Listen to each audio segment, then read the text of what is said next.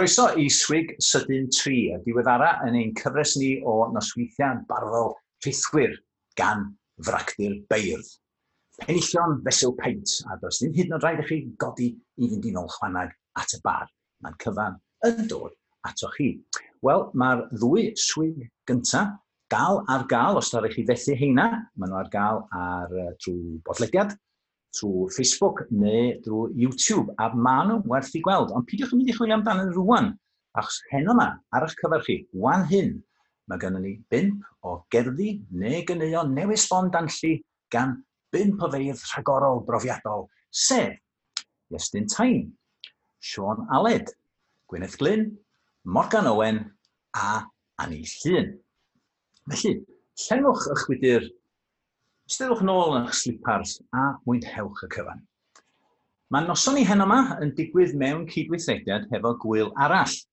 Mae gwyl arall, fel arfer wrth gwrs, yn ben wsnos llawn dop o sgyrsiau, o lenyddiaeth, o gerddi, o ganeuon, o gelf, a hynny'n digwydd yng Nghanarfon. Ond oherwydd Covid-19, mae gwyl arall i lenni yn digwydd ar-lein. Mae yna ddwy fantais i hynny wrth gwrs, Un ohonyn nhw ydy, os na fedrwch chi cyrraedd Cynarfon er mwyn rhannu yn yr hwyl, mi fedrwch chi wneud hynny ar-lein. Ac mae'r ail fantais ydy hyn, yr ail fantais ydy hyn, sef bod y digwyddiadau yn hytrach na cael eu crynhoi i un penwsnos yn cael eu mestyn trwy fus cyfan. Ac os ydych chi eisiau gwybod mwy am beth sydd ymlaen gyn gwyl arall i eleni, fydd na link ar ddiwedd y cyflwyniad yma er mwyn i chi pidio colli fyd. Wel, um, o mae gwyl arall i'r lenni wedi i hail, uh, wedi hailfrandio fel gwyl ffordd arall i adlywyrchu y newid sydd wedi gor, gorau bod. Felly, rydyn ni'n meddwl bys hynny yn destun priodol iawn ar gyfer yn beirdd ni hyn yma, sef ffordd arall. Felly, heb yr agor madroddi mwy, mae'n amser i agor drysar bracdu led y pen yn gorad a chroesawu y bardd cyntaf i'n llwyfan reithwyr ni. Hen yma, sef Iestyn Tain. Wel, mae Iestyn yn fardd ac yn gerddor. Mae wedi bod yn weithgar yn y, yn y gorffennol efo Patrobas a Pendefig yn plith eraill, ond wrth gwrs mae gigio ar hyn o bryd wel, ar ben neu wedi cael ei gohirio am y tro. Mae Iestyn yn un o sylfaenwyr y stamp a mae wedi bod yn brysur iawn yn diweddar yn cyd-olygu hefo Grig Mews, y Blodeigerdd, o'r enw Deud y Drefn pan nad oes trefn. Cant o gerddi gyn 60 o feirdd cyfoes, a mi fydd hwnnw, neu honno, ar gael y mis Awst, am y modd i rhagarchebu fo o flaen llaw.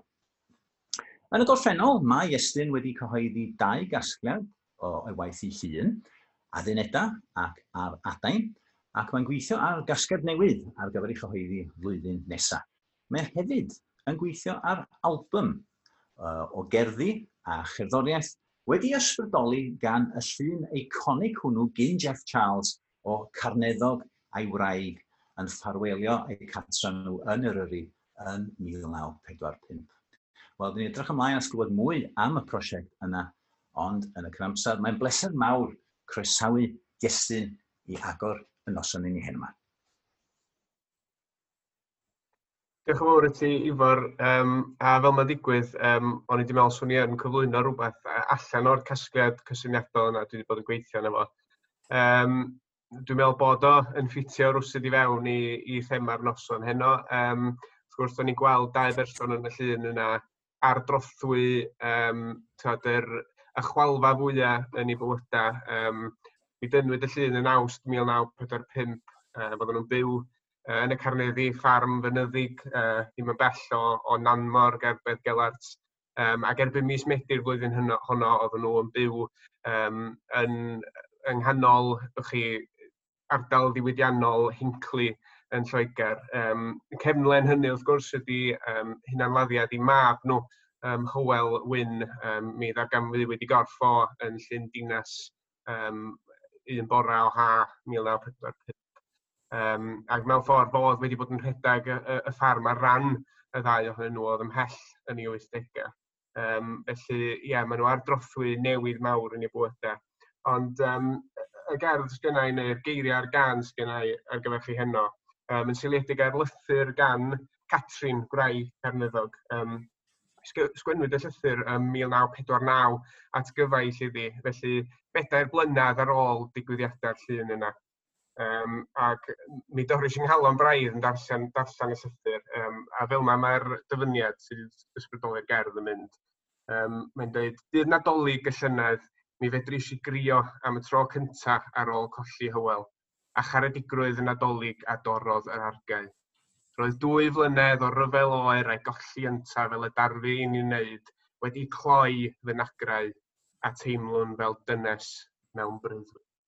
Felly Galargan Catrin ydy enw'r gerdd yma. Mae'n oer mewn tre estron a gafael atgofion yn teuru ar galon nad digon i'w dyw. A minnau yn unig yn oedyn flinedig daw clwych yn adolyg drwy'r diliw. Aeth tri o'm hant bychan yn gynnar dan gryman, a chroesi'r llu arian wrth hedfan tua'r hael, ac un yn las lencyn Aeth yntau o'r dyffryn i'w dilyn nhw wedyn am gadael.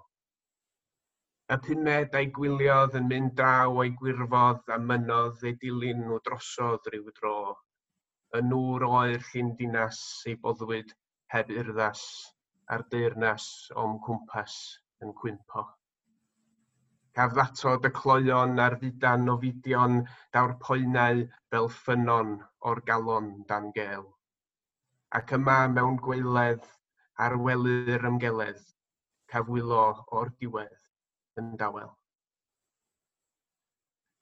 Diolch yn fawr Iestyn, Estyn, cerdd dirdynol yn wir. Wel, uh, mae'n bardd nesaf ni, Sean Aled yn hannu o Borthaethwy.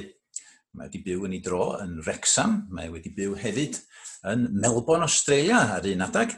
Fo oedd prifardd y goron ym Maldwyn yn 1981 a falle bobl ddim yn cofio fod o hefyd wedi bod yn Mastermind Cymru yn 2007 dwi'n meddwl, a'i bwnc arbenigol bryd hynny oedd bardd arall o fo'n, sef Goronwy Owen. Wel, mae Sean, Sean Aled wedi cwblhau doethuriaeth ynglyn â'r ffactorau sy'n arwain plant blwyddyn 6 a 7 i ddewis, pidio Cymraeg, i ddewis defnyddio Cymraeg neu bidio ac nath i ymchwilo ar gyfer y prosiect yna, mynd efo i gymharu nodiadau hefo sefyllfaoedd uh, ieithoedd gwahanol sydd wedi cael yn Wlad y Basg, yn Werddon, yn yr Alban, uh, hefyd ymhlith y Mohawk yn Canada, a um, pobl Nia Cwr yng Ngwlad Tai. Dwi'n siŵr os dwi'n dweud hwnna'n iawn.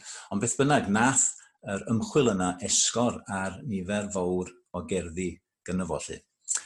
Dath i gasgau cyntaf o, uh, dagar y rhew uh, i'r golwg nôl yn 1979. Wel, oedd rhaid aros tan 2018 ar gyfer y gyfrol nesaf, Meirioli. Gobeithio'n wir fyddai'n rhaid ni aros gyhyd uh, am y trydydd casgliad.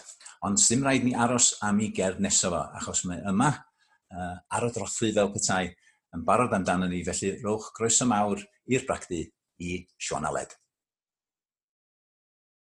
Wel, fel ydych chi wedi clywed, dwi wedi crwydro'r byd, dipyn bach, ond uh, mae gwreiddiau'r gardd sydd gen i heno yn fy mhlentyndod uh, pan o'n i'n byw i ddechrau mangor ac yn amhoff deithwy, ond yn y ddau le, yr olygfa o'n ystafell wely o'r cawneddau um, uh, yn Eryri.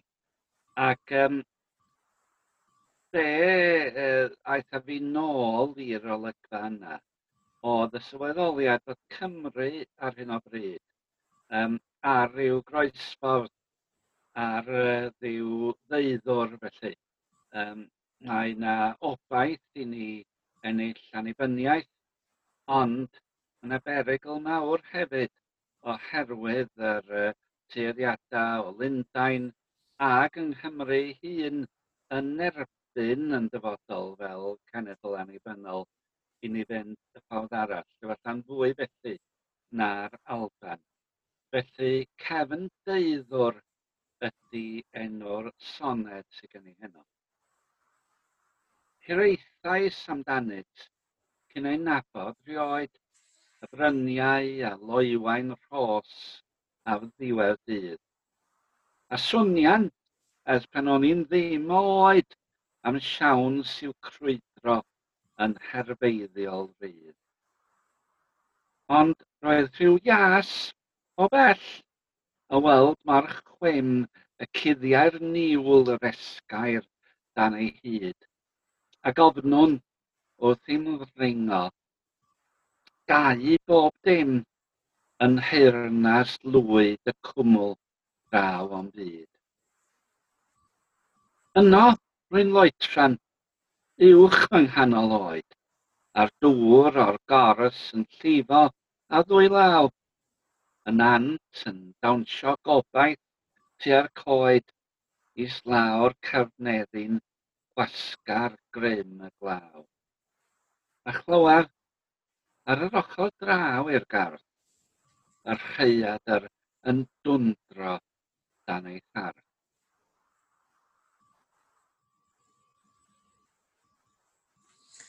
Diolch yn fawr, Sean Aled.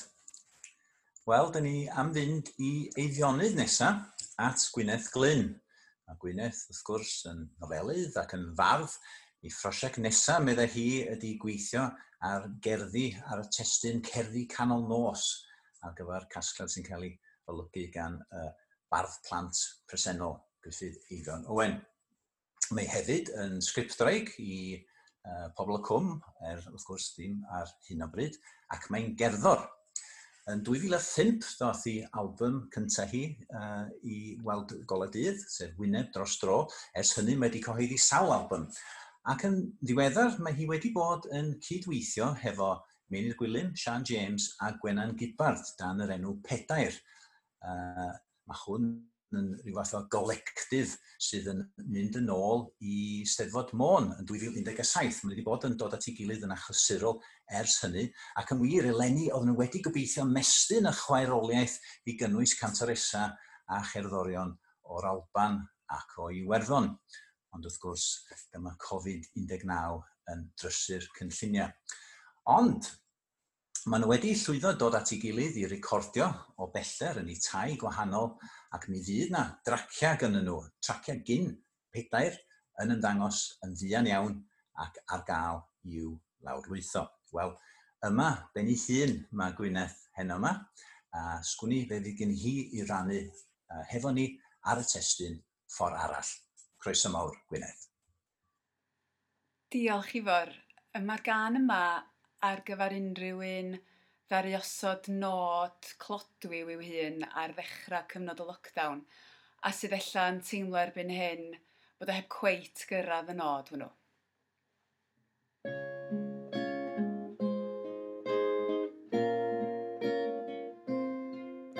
Ar y dyrodd dwy ym ei dwyo, a hithan dro ar fyd, ar droddwyr gofid, ar gael Mi roddai sydd ymryd ar fynd ffordd arall drwy'r cyfnod clo, nes doi'r hael ar fyrin eto.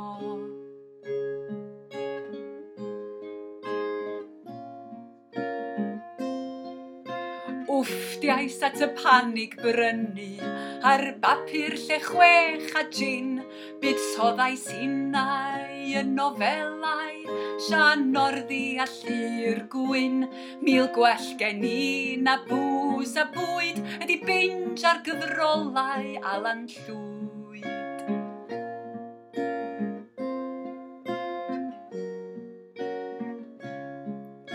Mi godem yn blygeiniol, gwneud sesiwn Joe Wicks cyn saith, brecwast meithlon a mewnol yn aneiddgar at y gwaith o addysgu'r mab a hynny'n rhwydd a reilwyd mor ddiddos a dedw.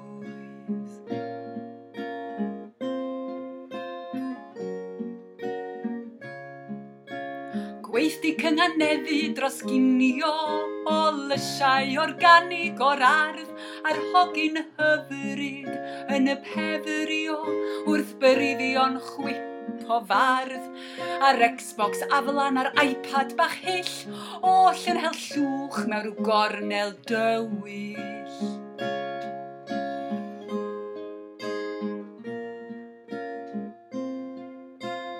Awran o ddawns y glocsen a gweithdi cyflath a bara brydd, cyn dosbarth dan danteithion i'r anghennus yn yn plith, tra'n canu holl hwian gerddi'n gwlad, heblaw am dat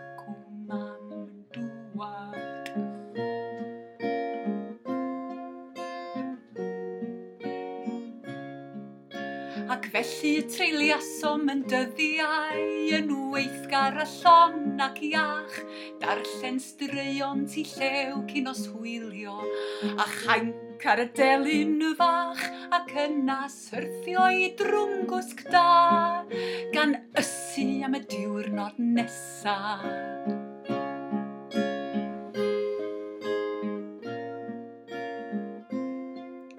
Roedd ebrill yn bara dwy saith, roedd mai mor felus a mel, ond erbyn hyfryd mis mehefin, aeth y bara brith yn stel, ac erbyn i hirddydd haf chwthu blwc, a ddaeth hael ar fryn, wel ddaeth o ffwc.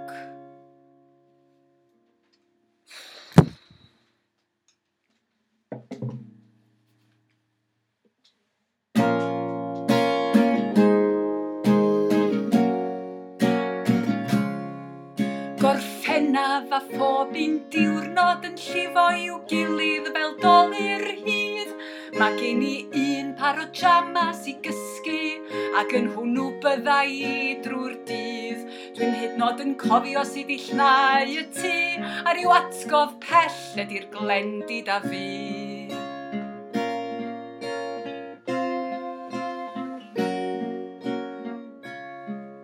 Mae'r prifardd yn gaeth i Netflix a'r mab ar ei Xbox rhwng dril a fi'n anail drydar yn pasif-agresif dros beint o Baileys a wagon wheel Mae'r garddio a'r pobi di mynd yn drech a chofiant cet ydy'n papur lle chwech.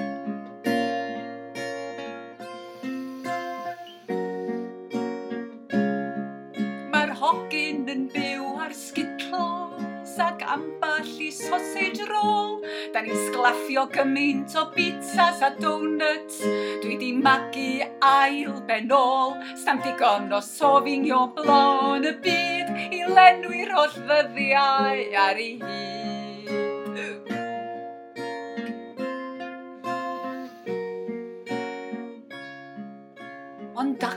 fel y dryn bychan, yn mestyn dros ail y bryn, a'i gwawr yn rhyddid o'r diwaf, ydy'r goleuni gwyn, yn tai headlights ffor by ffor, yn dengid i'w hafan ar lan y môr.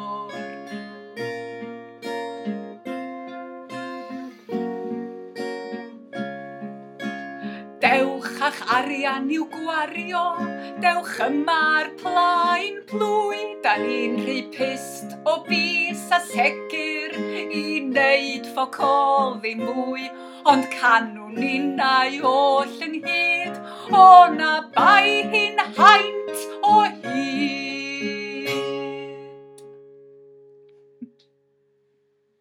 Diolch. Hyfryd iawn, hyfryd iawn. Mae rai fi ddweud, dwi wastad yn hynod eiddigedus unrhyw un sy'n medru uh, cymryd cerdant, ond na'n wych. Wel, diolch yn fawr.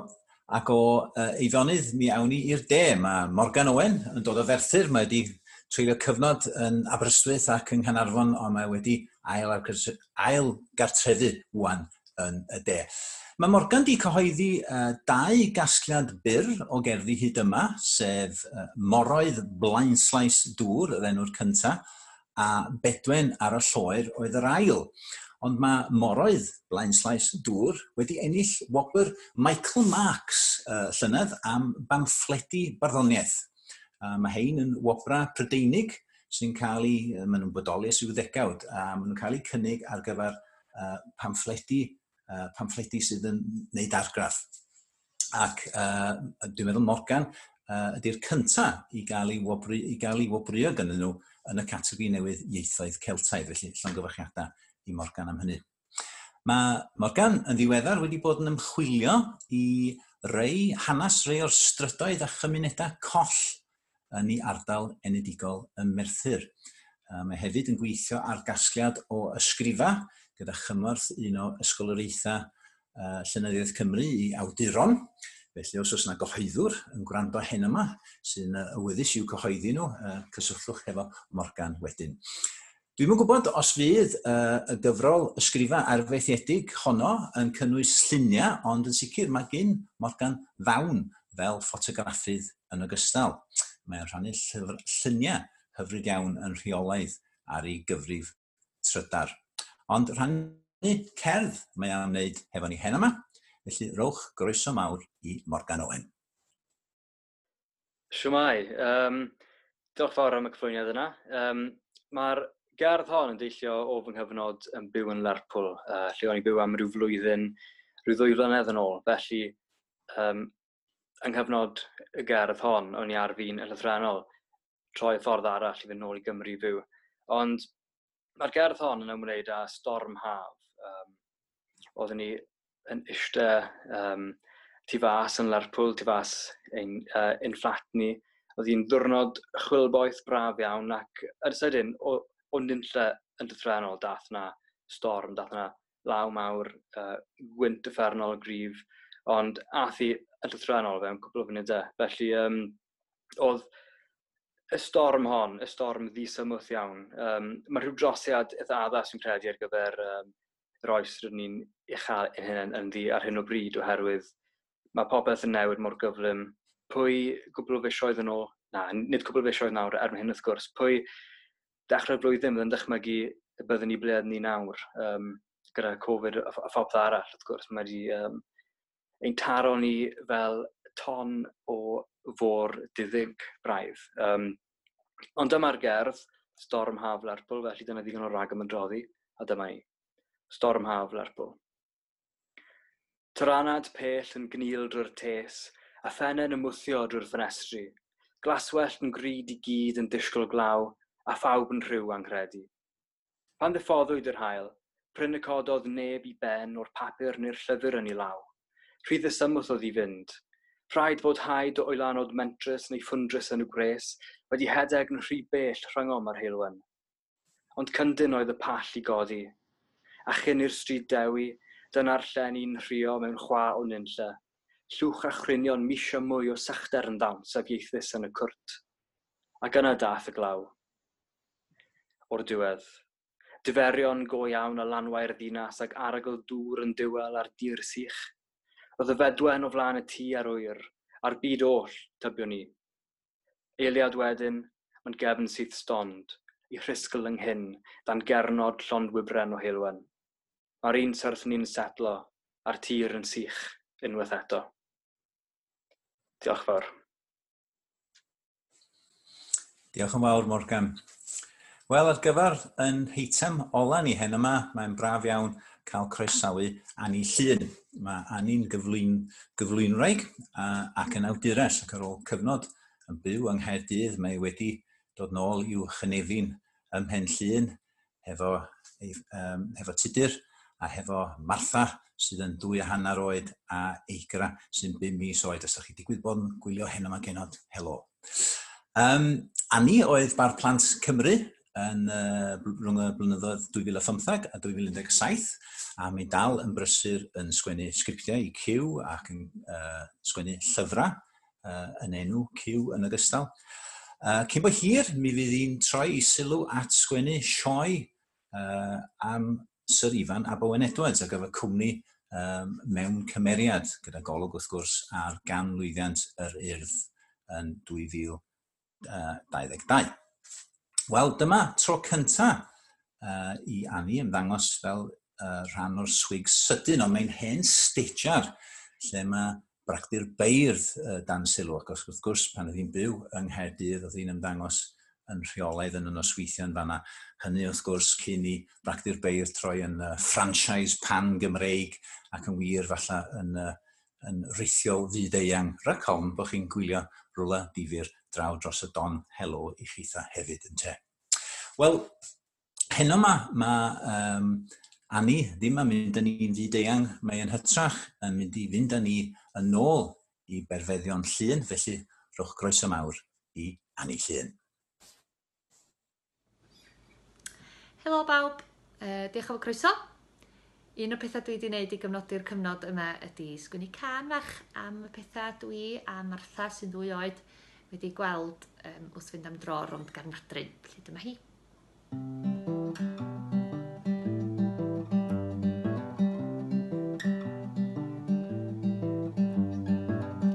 Sgwrs af lafar dwy dy llian Gweld i binc ar bolyn trydan. Sian slei bach a dawns yr hedyn. Melin miniog blodau'r eithyn Ysgwarnog yr ebol a'r llo A'r gwcwnaeth gannu bob tro. Y pethau bach sy'n rhoi nerth wrth roed y mynydd Ar wahan gyda'n gilydd.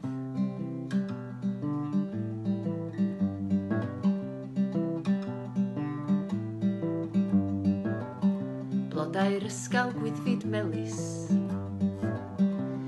Glaw ar we fel goglais gwefus Goed yn adrodd hen hen chwedla, Tran am sigynor dyrus ddyddia Ysgwarnog yr ebol ar llo, A'r gwcwn ath gan ni bob tro. Y pethau bach sy'n rhoi nerth wrth droed y mynydd ar wahan gyda'n gilydd. Dau a gwraig. Lliw porffor ar lethra'r graig. Yr afon o'i halaw iach. A dy eiria dwi'n yn ddewr dwi'n fach. Ysgwarnog yr ebol a'r llo. A'r gwcwnaeth gannu bob tro. Pethau bach sy'n rhoi nerth wrth droed y mynydd. Ar wahân gyda'n gilydd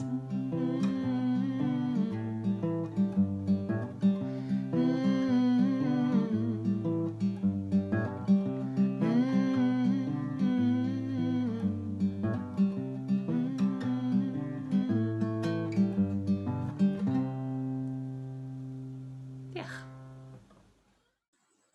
Wel, hyfryd iawn. Diolch yn fawr iawn, Annie. Clo anwyl i'r noson. Wel, dyna gyd uh, sydd gynnon ni ar eich cyfer chi hen yma.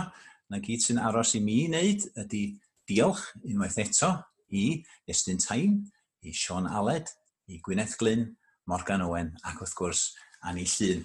Diolch unwaith eto hefyd i Llyr Gwyn Lewis a Rhys Iorwerth sydd wedi bod wrthi'n ddyfal yn y cymdir yn corlannu beirdd, cynllunio posteri ac hefyd wrth gwrs Osian Rhys Jones sydd wedi uh, twtio'r sain a'r llun er mwyn dod a uh, blas rhyw chydig fwy soffistigedig ar y swig arbennig yma i chi. Wel, mi fydd swig sydyn arall o fractu'r beirdd yn ystod wythnos yr Eisteddfod, mwy o fanylion i ddilyn yn fuan. Ond tan hynny, byddwch gwych, cadwch yn iach a chofiwch ailgodwn yn amgenach. Nostawch. you